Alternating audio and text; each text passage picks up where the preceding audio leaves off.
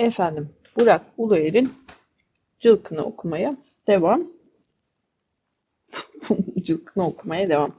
105. sayfada kalmışım. Yıldız 29-30 Mayıs 2003. Aynı günden devam. Yıldız'ı bulup getirdiler. Selim'le Can, Selim'in evine. Devam. Beni ilk tutana tutundum. İşte o an ona tutuldum. Kimse beni istemedi. Sadece sarhoşken arzu ettiler. Bu öyle bir şey ki zamanla da alışamıyor insan. Bir tek ilerisi için fazla umutlu olmamayı öğrendim. Gelecek diye bir şey yoktu. Günü kurtarmak vardı. Zaten geçmişime sünger çektiğim için sadece bugünü yaşıyordum ve biliyordum ki raf ömrüm pek uzun değil. Hayatın bana gelişi bu. Beğenmediysem de ne yapayım? Emniyetten kalın birinin köyden yeğeni gelmişmiş. Yanına oturttular beni. Hormonlu bir patates ve bu patatesi kaplayan tombul yanaklara gömülü ufacık bir burun düşün. Surat tamamen bundan ibaret. Konuşurken tükürük saçan etli dudaklarını da unutmamak gerek. Çirkindi, çok çirkindi. Ama en azından başlarda heyecanlı, ürkek ve mesafeliydi. Kendine getirilen viski kolaları ardı ardına diktikçe arsızlaştı. Elleri kolları oynamaya başladı. Aynı anda korkunç bir hızla terliyor ve terle beraber felaket bir koku yayıyordu. Bir eliyle omzumdan göğsüme uzanmaya çalışıyor, diğeriyle bacağımı okşuyordu. Üstüm, başım tükürük, ter ve kokunun saldırısı altındaydı. Kusmamak için kendimi zor tutuyordum. Ta ki suratını suratıma adeta yapıştırarak e hadi çıkalım diyene kadar. O an ağzından çıkan kokuyla içim öyle bir kalktı ki kendimi durduramadım ve suratının ortasından bacaklarına kadar safrayı boşalttım. Sonunda rahatlamıştım.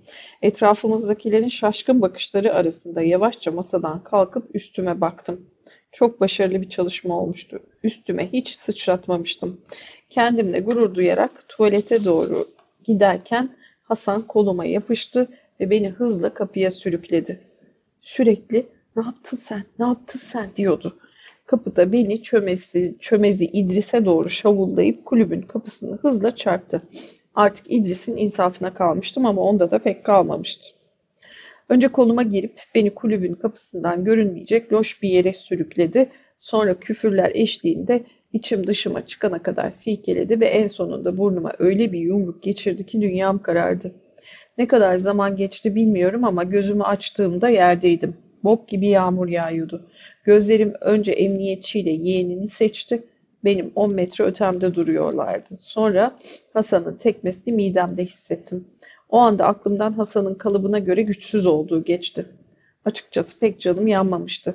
Birkaç defa tekmeledikten sonra bana eğilip fısıltıyla ortadan kaybol ben seni bulurum dedi.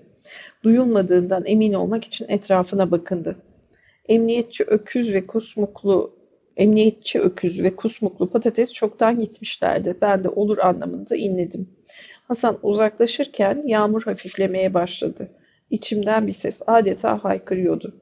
Bu hayatı yanlış yaşadınız. Lütfen baştan yaşayın. Dizlerimin üstünde oturur vaziyette kaderime lanet ediyor ve kendime acıyordum. İşte o anda sımsıcak bir çift kol bana sarıldı. İlk anda Hasan sandım ama değildi. Temiz yüzlü, hafif tombul bir gençti. Yüzünü yüzümden uzak tutuyor, hatta yüzüme bakmıyordu bile. Sadece sarılıyordu. Sıcaklığı her şeyin geçtiğini ve artık güvende olduğumu müjdeliyordu. Resmen tüm acılarım yok olmuştu. Şaşkındım. Bu iyi bir şaşkınlıktı. Bu unuttuğum, belki de hiç yaşamadığım bir şaşkınlıktı. Hani uzun süredir çektiğin bir ağrı vardır da artık hissetmez bir hale gelirsin. Sonrasında bir anda geçiverir ve içine bir rahatlama dolar. İşte öyle bir şeydi. Kurtarıcım, şifacım, bana iyi gelenim, mucizem karşımdaydı ve çocuksu utangaç suratıyla bir boşluğa bakıyordu. Çekingenliği saygısındandı. Biri bana saygı gösteriyordu. Anlıyor musun? Biri beni rahatsız etmekten çekiniyor ve bana özenle davranıyordu. Beni, Kıçımı değil, beni umursuyordu. Evet, bu hayatı yanlış yaşamıştım ama o andan sonra baştan, sil baştan yaşamaya başlayabilirdim. Derken yanımıza arkadaşı geldi. O da efendi bir tipe benziyordu ama huzursuz olduğu belliydi. Sanırım korkuyordu. Düşene yardım ve yataklık suçuyla bar fedaileri tarafından infaz edileceği korkusu. Buna rağmen burnumdaki kanı temizledi. Ayağa kalktığımda bacağımdaki kanamayı fark ettim. Gerçi kahramanın montunu çıkarıp omuzlarıma örtmüş ve koluma girip bana destek oluyordu ama sanırım fiziksel acılarım tamamen yok olmamıştı. Onun yardımıyla caddeye kadar yürüdük. Arkadaşı sorularıyla benden nasıl kurtulacağının hesabını yaparken o son darbeyi vurdu. Onların evine gidecektik. Allah'tan bindiğimiz taksinin şoförü tanıdık değildi. Yolda isimlerinin Can ve Selim olduğunu söyledi, önde oturan Selim olanı. Bense kafamı Can'ın omzuna dayamış, bundan sonra olacakları umursamadan gözlerim kapalı, huzurlu bir sessizliğe gömülmüştüm. Öndekinin aralıksız konuşması uzaklarda çalan bir radyoydu sanki. Eve gidince Can bana pansuman yaparken Selim salondaki kanepeye çarşaf falan koyup yatak yaptı. Tuvalette bana verdikleri bornozu giyip salona döndüğümde Selim odasına gitmişti. Can'la baş başaydık ve elindeki ısıtılmış bir bardak sütü bana uzatıyordu. Anneciğimi hatırladım, gülümsedim. Selim'in tersine Can hiç konuşmuyordu. Ben de. Kanepeye uzandım. Can ise karşımdaki koltuğa oturdu ve gözlerini kapamadan hemen önce gecenin son sözünü söyledi. Korkmayın. Oysa korkmuyordum. Kendim için korkmuyordum. O aşamayı geçeli çok olmuştu. Kafamda onun bu iyiliğine nasıl bir karşılık verebileceğimi düşünürken gözlerim kapandı. Gözlerimi tekrar açtığımda Can kafası düşmüş halde karşımdaki sandalyede uyuyordu. Uykusunda ne görüyorsa artık gülmeye başladı. Dedim ki kendi kendime güldükçe güzelleşiyor, bambaşka oluyor, ışıldıyor. Artık ne çok acı çekmişse. Öyledir çünkü. En çok acı çekenler en güzel gülerler. Duvardaki dijital saate baktım. Tam da kargaların boklarını yediği bir saatti. Kimse beni görmeden evden sıvışabilmek ve bu iyi insanları zora sokmadan kendi pisliğime dönmek için şahane bir zamandı. Ben de öyle yaptım. Bu arada acilen tuvalete gitmem lazım.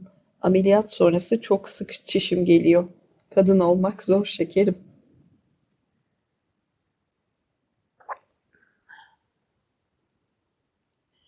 Adı üstünde.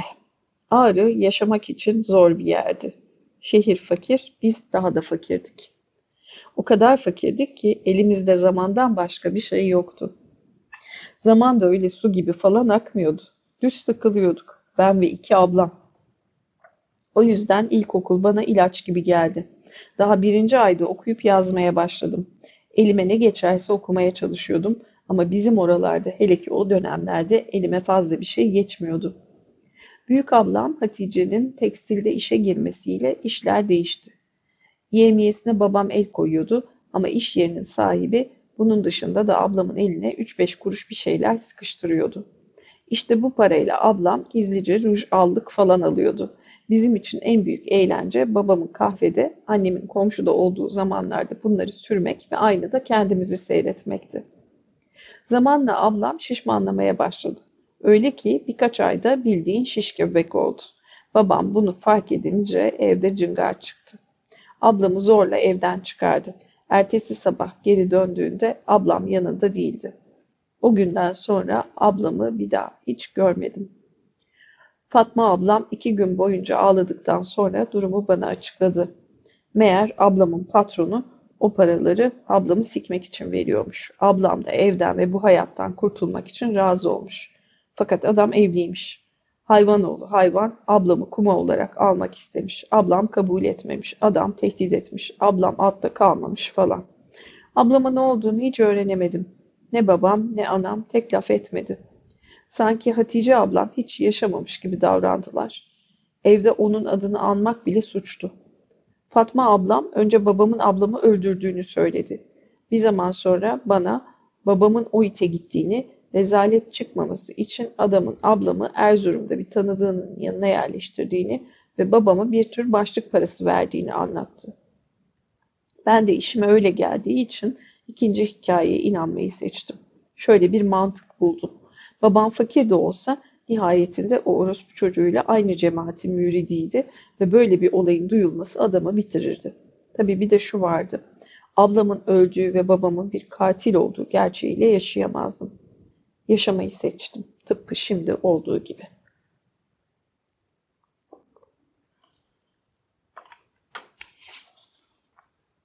Uzun uzun anlatmanın gereği yok. Hatice ablamın olayından yaklaşık iki sene sonra Fatma ablam da evden kaçtıktan sonra bizimkiler beni cemaatin yurduna vermek istediler. Yurt demeyelim de cemaat evi diyelim.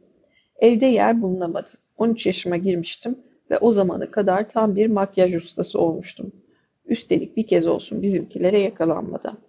Parayı nereden buldun dersen mahalledeki çocuklardan. Bir ruj veya allık getireni pipisini elliyordum. Rimel falan da getirirlerse götüme okşatıyordum. Aralarından tipini beğendiklerim pipilerini götüme süre, sürtebiliyordu. Bu işi bir nevi ablamdan öğrenmiştim. Ben nasılsa hamile kalamazdım. Ayrıca ne yalan söyleyeyim bazen benim de hoşuma gidiyordu. Kendimi arzu edilen gerçek bir kadın gibi hissediyordum. Ben söylemeyi unuttum. Benim ilk kafa kağıdıma göre adım Yılmaz. Ama ben yıllarca gördüğüm muameleden yıldım. Yıldız adını aldım. Zaten beni herkes öyle biliyordu. Aleme girdiğimde adımı hazır etmiştim çoktan. Şaka tabii. Öyle bir şey olmadı. İnandın mı gerçekten? Çok mu uzattım? O zaman kısa keseyim. Gel zaman git zaman babam beni Nusret Hoca'ya götürdü. Burada dipnot Ağrılı Nusret Kocabay Hoca'yı kastediyor olabilir. Hoca benden Risale-i Nur'dan bir bölüm okumamı istedi. Şimdi tam ayrıntısını hatırlamıyorum ama biraz sohbet de etti ve babama olur verdi. Böylece ben haftada iki gün okul çıkışı Ağrı'daki bazı evlerde sohbetlere katılmaya başladım. Zamanla bu haftada beş güne çıktı. Sözüm ona meşveret ediyorduk ama bildiğin beyin yıkıyorlardı. Meşveretin dipnotu iki veya daha fazla kişinin birbirleriyle fikir alışverişinde bulunmasıymış. Haliyle mahalledeki faaliyetler buraya taşındı. Bazen evin bodrumunda, bazen dışarıdaki çalılıklarda. Doğruya doğru, burada daha iyi para kazanıyordum. Artık ağzıma da almaya başlamıştım. Şimdi bu laf kimilerine ters gelebilir. Aa ne ayıp oral seks deseydin diyecekler olabilir. Öyle deyince yaptığım şey değişiyor mu? Her neyse. Ben bu sohbetlere giderken alttan alta hakkımda dedikodular başladı. Gerçi yukarıda Allah var. Kimse beni hocaya veya şürekasına gambazlamadı ama beni resmen Erzurum'a sürdüler. Ağrı'da bulunamayan yer Erzurum'da bulunmuştu. Oradaki vakıf evinde kalmaya başladım. Suffa Vakfı'nı kastediyor olabilir demiş dipnotta. Başta bunun bir tarikat olmadığı, bizim bir cemaat olduğumuz, Allah rızasını esas aldığımız politika ile alakamızın olmaması gerektiği ve kimsenin şeyh veya mürit olmadığı söylendi. Emin olun bunların hiçbiri doğru değil. Oradaydım. Hizmeti imaniye ve Kur'aniye dedikleri de sanırım bizim hizmet etmemizdi. Hem de kıdemlilerin tüm istek ve ihtiyaçlarına hizmet etmemiz. Bulunduğumuz kola uygun olarak kaldığım süre boyunca tam 40 kere istismara uğradım. 16. Eğer önceden Suffa Vakfı'nı kastetmişse 40 diyerek de Nurculuğun 40. kolunu kastetmesi olası. Bu isim de bizi Mehmet 40.ya götürüyor ama doğrusu Yıldız'ın ağzından bunlarla ilgili hiçbir isim çıkmadı. Ben de sormadım. 39 değil, 41 değil, tam 40 defa. Çok iyi biliyorum çünkü her seferinde koluma çentik attım jiletle. Bak hala duruyor izleri. 41 kere maşallah demeden kaçtım. Çünkü 41. fecaat olacaktı. Öyle böyle değil. Öncelikle beni kendimden 4-5 yaş büyük bir insan azmanıyla aynı odaya koydular. İlk bir hafta bu benle hiç konuşmadı. Selamun aleyküm, aleyküm selam. O kadar. Sanırım kaldığımın 10. günüydü. Odaya bir çıktım ki benim bavul açılmış. Masamın üstünde benim zulaladığım tüm makyaj malzemelerim duruyor. Azman da yavşak yavşak sırıtarak bunlar ne iş der gibi suratıma bakıyor. Kemküm ettim ama yemedi. Sonra malzemeleri toplamamı söyledi. Ben toplarken de bunun bir bedeli olacak deyip odadan çıktı. Ondan sonraki iki gün herhangi bir değişiklik olmadı. Derken bir akşam ışıklar söndüğünde ilk görev emrim verildi. Azman'a elimle 31 çektirdim. Boşaldığında beni eliyle itip kağıt mendille kabaca temizleyip abdest almaya gitti. Bu iş 5-10 günde bir tekrarlanmaya başladı. Azman her geçen gün daha da fazla şey istiyordu. Kıçımı okşamasıyla başlayıp parmağını deliğine sokmasına kadar vardı. Parmakları çok kalındı ve canım acıyordu. Zaten saksofazına geçmiştik bile. Bir seferinde parmağını dibine kadar sokunca ben de herifin aletini ısırdım. Görmen lazım çocuk gibi nasıl bağırıp ağladığını. Kanatmamıştım bile. Sese gelen abilerden biri ikimizi de azarlayıp sabaha kadar tuvalet temizledi, temizletti. Azman bir hafta sonra abdest diye çıkıp bir başka azmana geri geldi. İşte insanlığa inancımı da, insan sevgimi de o akşam yitirdim. Ağzıma bez sokup sırayla arkamdan geçtiler. Bana göre günlerce süren bu işkence sanırım 5-10 dakikada bitmişti. Çünkü işleri bittiğinde iki numaralı azman yatsıyı kılmak için biraz daha vakit olduğunu söylemişti. Bu olaydan sonra bir hafta oturamadım. Azmana da bana ağrı kesici krem bulmazsa ikisini de kendimle birlikte ihbar edeceğimi söyledim.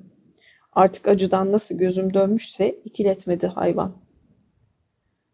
Tüm bu olanlar bana bir ay kazandırdı ama sonraki sekiz ay boyunca silsileyi takip ederek sırayla bana tecavüz ettiler. En azından kendi içlerinde bir disiplin vardı ve her seferinde bir kişi etti. Kimileri bir kere, kimisi bir kere, kimisi beş altı hafta. Genelde haftada bir kere ve o da hafta sonları. Mesireye çıkarır gibi siklerini götümün içinde gezdiriyorlardı. Umursamıyordum artık. Yol geçen anda dönmüştüm ve tek amacım buradan canlı ve katil olmadan çıkıp kayıplara karışmaktı. Bana kaydıkları günler haliyle Hoca Efendi'nin ve yardımcısı gibi duran herifin olmadığı günlerdi. Geçmiş gün, şimdi yalan olmasın ama yardımcısının ismi ya Erkan'dı ya Orkan'dı ya da Furkan. Tam anlamıyla pis bir herifti. Meşveret sırasında burnunu karıştırır ve kimsenin görmediğini sandığı zamanlarda sümüğünü yerdi. Ne yemek yediği sakalındaki artıklardan anlaşılırdı. Ha, ne yemek yediği sakalındaki artıklardan anlaşılırdı. Sanırım 50'li yaşlarındaydı. Bu baş mürit denen herif çirkinin önde gideniydi. Meğer bu pezevengin her şeyden haberi varmış. Bunu da o meşhur 41. de anladım.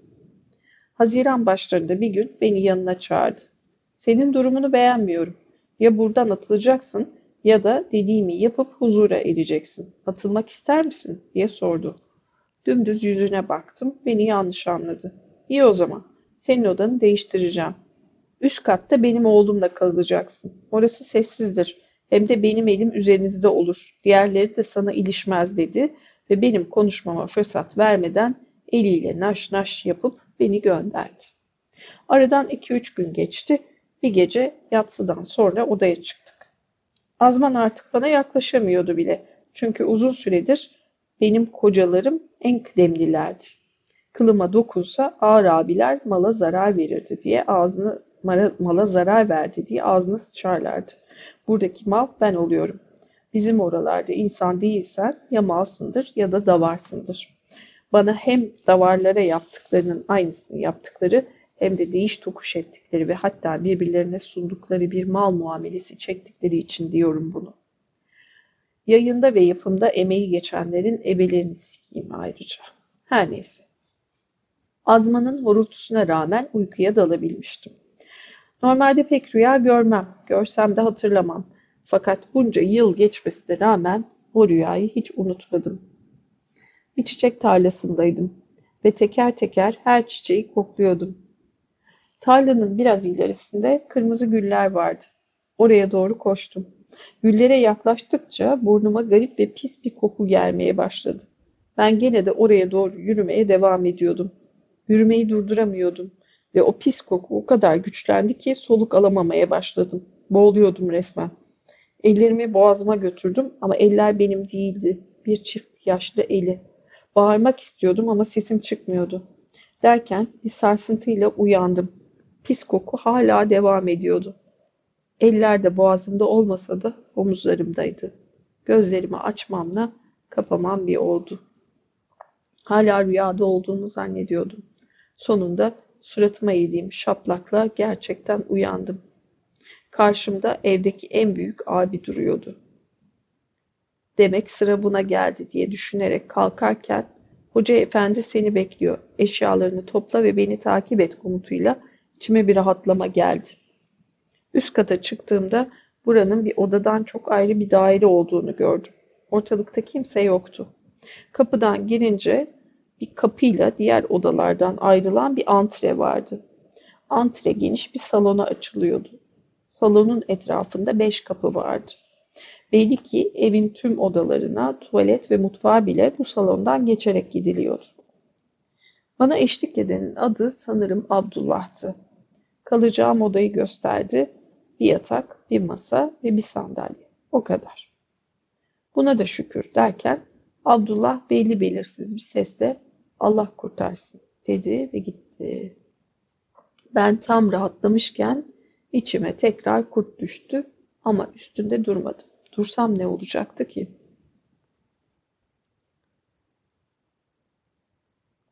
Yatağa uzandım.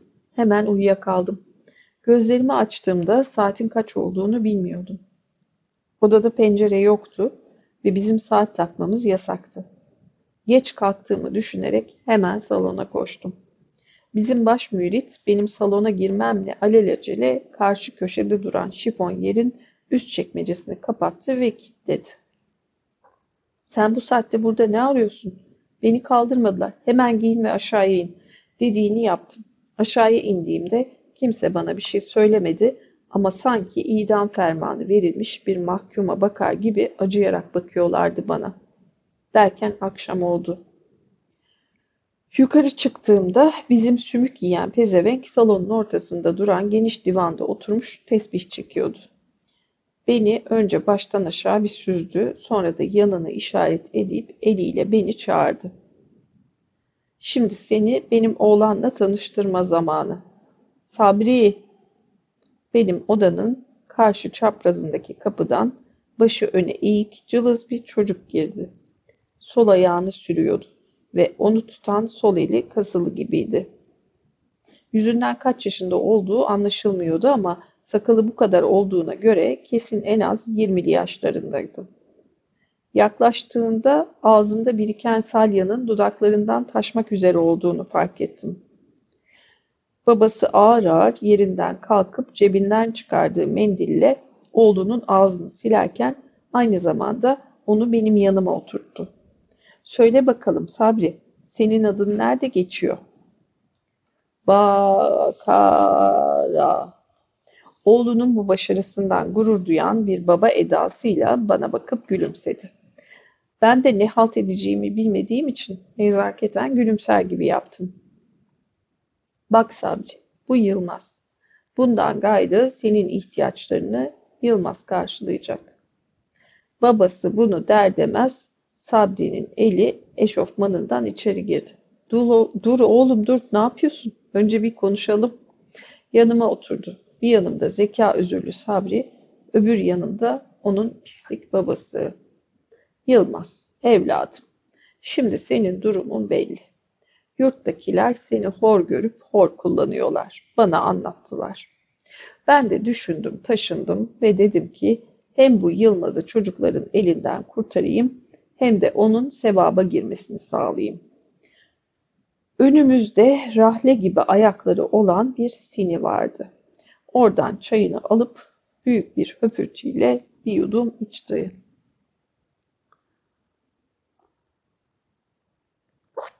Şuncağız öksüzün tüm ömrü bu dört duvar arasında geçti. Neredeyse otuz yaşına geldi. Eli kız eline değmedi. Biz de buraya gelen senin gibilerle idare ettik. Bak yalanın varsa şuradan şuraya gitmek nasip olmasın. Hiçbiri fena muamele görmedi. Vakti gelen ayrıldı. En ufak bir şikayet de etmediler. Bu iş karşılıklı rıza ile olur nihayetinde. Bunları söylerken gözleri bir bana bir oğluna kayıyordu. Ses tonunu duysan nezaketten ezilip büzülüyor sanırdın. Ama bakışları tehditkardı. Bir ara benim de gözüm oğluna kaydı. Önüne bakıyordu. Daha doğrusu eşofmanındaki kabartıya bakıyordu. Bakmakla da kalmayıp eşofmanının içindeki eliyle aletini sıvazlıyordu. Dedim ya bizimkinin arada bir ihtiyacı oluyor. Sen onun ihtiyacını giderirsin, ben de seni diğer haytalardan korurum. Hafta sonları da dışarı çıkar, biraz hava alırsın. Bunu bir sevap gibi düşün. Düşküne yardım her zaman mükafatlandırılır. Oh, içim işte. Önce bir yutkundum. Kafamın içinde dolanan başıma bu da mı gelecekti sorusuyla çaresizce sağıma soluma bakındım. Kaçış yoktu. İtiraz etsem bunlar beni hem siker hem de eşek sudan gelinceye kadar döverlerdi. Bu yurtta atılan dayağın örneklerini görmüştüm. Öldürmekten hallice. Bir bardak su istedim. Sapık efendi hazretleri su getirmek için kalkarken ani bir kararla önümdeki siniyi kavrayıp tüm gücümle kafasına geçirdim. Ah bile demeden yere yığıldı. Sininin kenarları sivri olduğundan herhalde şakağından kan akmaya başladı. Arkama dönüp Sabri'ye baktım. Çamur renkli gözlerinde korkudan eser yoktu ama gık çıkmıyor, deminki gibi boş boş oturuyordu. Tek fark artık eli eşofmanının içinde değildi. Bir süre sessizce babasının hareketsiz yüzünü seyrettik. Ta ki babasının şakaklarındaki kan önce burnuna ulaşıp oradan pıt pıt yere damlayana kadar. İşte o an Sabri birden ayağa fırlayıp bağırmaya ve iki eli başının üstünde etrafında dönmeye başladı. Panikledim. Yerde duran sininin altındaki rahleyi ona savurdum. O da yere yığıldı. Sessizlik iyi gelmişti. Yanına gidip eğildim. Herhangi bir yerinde kanama görmedim. Babayı öldürmüş, oğlunu bayıltmıştım anlaşılan. Bağırtıları mutlaka birileri duymuştur diye paniğin bir üst aşamasına geçmiştim. Hemen odama gidip yatağa oturdum. Aptalca bir savunma planı yaptım. Sabri babasına saldırmış olabilir. Ben gürültüyü duyduğumda korkup odamda kaldım ama ses kesilince çıktım. İkisinin de yerde hareketsiz yattığını görünce yine korkudan odama saklandım. Cidden salağın önde gideniymiş. Neyse ki uzunca bir süre beklememe rağmen kimse gelmedi. Yavaşça odamın kapısını araladım. Hıyar baba hala yerde yatıyordu ama oğlan ortada yoktu. Tekrar kapıyı kapatıp 3-5 eşyamı bir torbaya doldurdum. Salona gidip amına koduğumun neşinin cebinde duran anahtar tomarını aldım. Şifon yerin üst çekmecesini açtığımda bu pezevengin cemaatten arakladığı paralarla karşılaştım. Paraları cebime doldururken altta duran bir sürü fotoğraf olduğunu gördüm. Fotoğraflarda benim gibilere neler yaptıkları görülüyordu. Kim çekmişti bunları ve kim basmıştı? Şimdi detayları anlatarak kimsenin midesini kaldırmayayım ama tek kelimeyle iğrençti. Ben bu yaşıma kadar sarhoşundan manyağına, delisinden sadistine bine yakın farklı adamla çıktım. Böyle sapıkçasını ne yaşadım ne gördüm. İğrençti. İğrençti. İçimdeki bir gıdım pişmanlık duygusu da bu fotoğraflarla silindi, yok oldu. Fotoğrafları çekmeceden alıp bir bölümünü torbaya attım. Geri kalanını da herifin neşinin üstüne boca ettim. Bastım çıktım. Binadan çıkana kadar da kimseyi görmedim. Fazla uzun anlattım ama bundan sonrası hızlı gelişti. Otogar, İstanbul, Topkapı'da otobüsten iniş, oradan Beyoğlu'na kadar yürüyüş, otel falan. Önce sokaklarda dolandım. Hatta sokak tezgahların, tezgahlarından iki tane kitap alıp okudum. Adlarını hiç unutmuyorum. Yevgeni Onegin ile Genç Verder'in Acıları. 3-4 günün sonunda iş aramaya başladım. Sonraları alışacağım aşağılamaların ilk deneyimlerini yaşadım. Zordu. Beni önce dilenci zannediyorlar, sonra konuşmamla dalga geçiyorlardı. Dilenci değilsem hırsız, ikisi de değilsem tinerci olabilirdim. Ben tinercinin ne olduğunu bile bilmiyordum. Ama kısa zaman sonra onlarla tanıştım ve hatta birisiyle arkadaş da oldum. İnsan umudunu yitirdiğinde kendi gibileri çabuk tanıyor, ısınıyor, kabulleniyor, seviyor ve yoldaş olarak benimsiyor. Mendil satarak, dilenerek veya rahatsızlık vererek hayatını geçindiren Yusuf'a Daha ağzını bile açmadan yemek ısmarlamayı teklif ettim. Yemekten sonra benim otel odamda kalabileceğini de söyledim. Öyle yaptı. Sonraki iki günde beş kere yıkandı ve benim getirdiğim yiyecekleri yediği zaman dışında sürekli uyudu. Resepsiyondaki baykuş durumu çakozlamasaydı bu iş daha da sürerdi. Ama bir akşamüstü kendimizi kapının önünde bulduk. Alışık olduğu sokağa döndüğü için Yusuf'a pek koymadı. Ama benim için durum aynı değildi. Yusuf kolumdan çekerek beni balık pazarına götürdü. Burayı daha önce de görmüştüm ama herkesin herkesi tanıdığını, herkesin herkesten nefret ettiğini, herkesin herkesle bir alışverişi olduğunu ve herkesin herkese bir şekilde ihtiyaç duyduğunu bilmiyordum. Ana caddeden pazara girdik ve daha iki adım atmadan karşıdan gelen kılıksız bir tip Yusuf'a seninki efkarlı da tüyosu, seninki ef, efkarlı da tüyosunu verdi. Biraz yürüyüp sağa döndük. Burası dışarı koydukları masalardan dolayı yürümenin imkansız olduğu ve hemen herkesin bağıra çağıra konuştuğu bir sokaktı.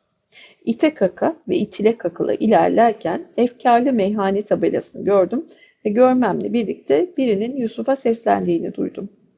Oraya ulaştığımızda masada oturan iki adamdan yakışıklı olanı bize oturmamızı söyledi. Bir hayli neşeliydiler. Oturmamızı söyleyen benden 5-6 yaş büyük gibiydi. Ben 15 olduğuma göre o da 20'lerinin başlarındaydı. 15. Vay vay vay. Benim yanına oturduğum adam ise ondan çok daha yaşlıydı. Gür sakalları yüzünü kaplamıştı. Umursamaz bir hali vardı. Karşımdaki ise hayatımda gördüğüm en yakışıklı erkekti. Aslında yakışıklı demek doğru değildi. Güzeldi.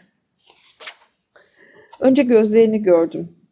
Mavi, yeşil, bulutlu bir rengi vardı. Açık kum, kumral olmasına rağmen teni koyu sayılırdı.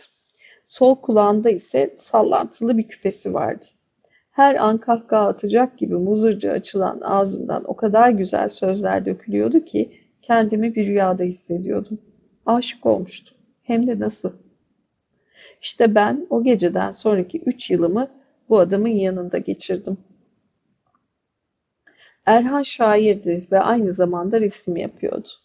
Ailesinin yardımıyla geçiniyordu ve annesiyle babası ondan nefret ediyorlardı. Özellikle babası.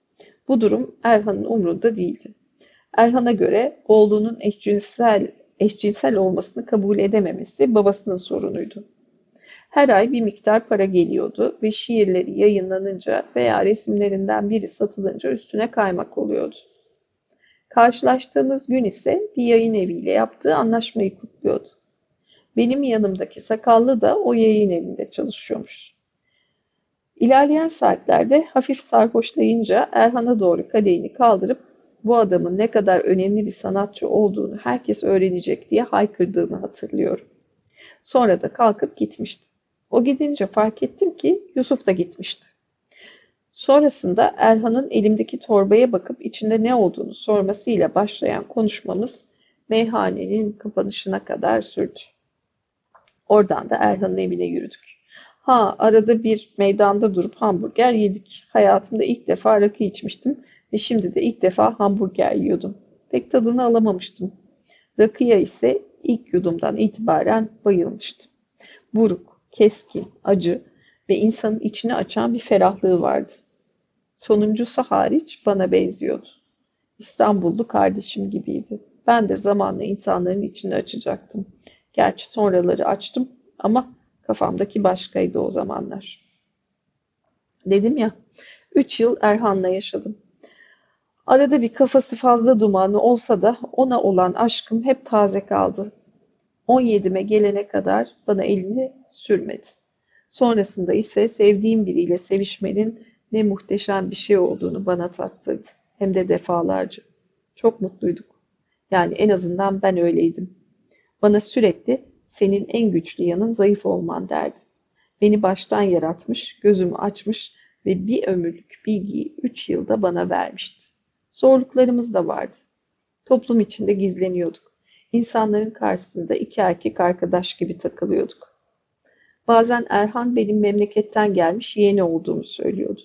Bu yalanı o kadar çok söyledi ki bir defasında gittiğimiz bir yemekte tekrarlayınca bana gına geldi ve herkesin içinde belki arkadaşlar başka yeğenlerin yok mu? Niye sürekli bu yeğenini getiriyorsun diye merak ediyor olabilirler deyip onu zor duruma sokmaya çalıştım. Gülümsedi ve beni kardeşi gibi sevdiğini söyledi. Sonra eğilip kulağıma beni diğer yeğenleriyle tanıştıracağını fısıldadı. Yemekten kalkıp taksiye bindik ve şoföre normalde gitmeyeceğimiz bir güzergahtan gitmemizi söyledi. İlerlediğimiz yol boyunca sağlı sollu dikilen travestileri gösterip işte bunlar da diğer yeğenlerim. Tanışmak ister misin? diye sordu. Hepsi çok tehlikeli tiplere benziyordu. Suratlarından hınç, bıkkınlık ve aynı zamanda korku akıyordu. Onların haberi olmadan hep birlikte eş zamanlı korktuk bir süre. Köprüden önceki son çıkış çabası dedi gözleri dolarak. Eve girdiğimizde iki eliyle kollarımı tuttu, gözlerini gözlerime dikerek biz seninle ne, ne yapıyoruz biliyor musun diye sordu. Buna verecek bir sürü cevabım vardı ama sanırım hiçbiri doğru değildi. Kısa bir sessizlikten sonra durumumuzu özetledi. Yangından mal kaçırır gibi yasadan aşk kaçırıyoruz. Evet, doğruydu. Alelacele telaş içinde sevişiyor ve geride bize kalan paçavraya şükrediyorduk. Vücutlarımızı birbirimize emaneten veriyor, ruhumuzu korku ve endişeyle kaplıyorduk. Suç ortaklığımız bizi bir nevi yakınlaştırsa da bir sırrı yaşamamız güvenimiz, güvenimizi sarsıyordu. Eksik bir sevinç kalırdı içimde o evden çıkıp yokluğa karıştığında. Bir gün çıktı ve dönmedi. Resmini iki gün sonra bizim bakkalın önünde duran gazetelerin birinde gördüm. Ölmüştü.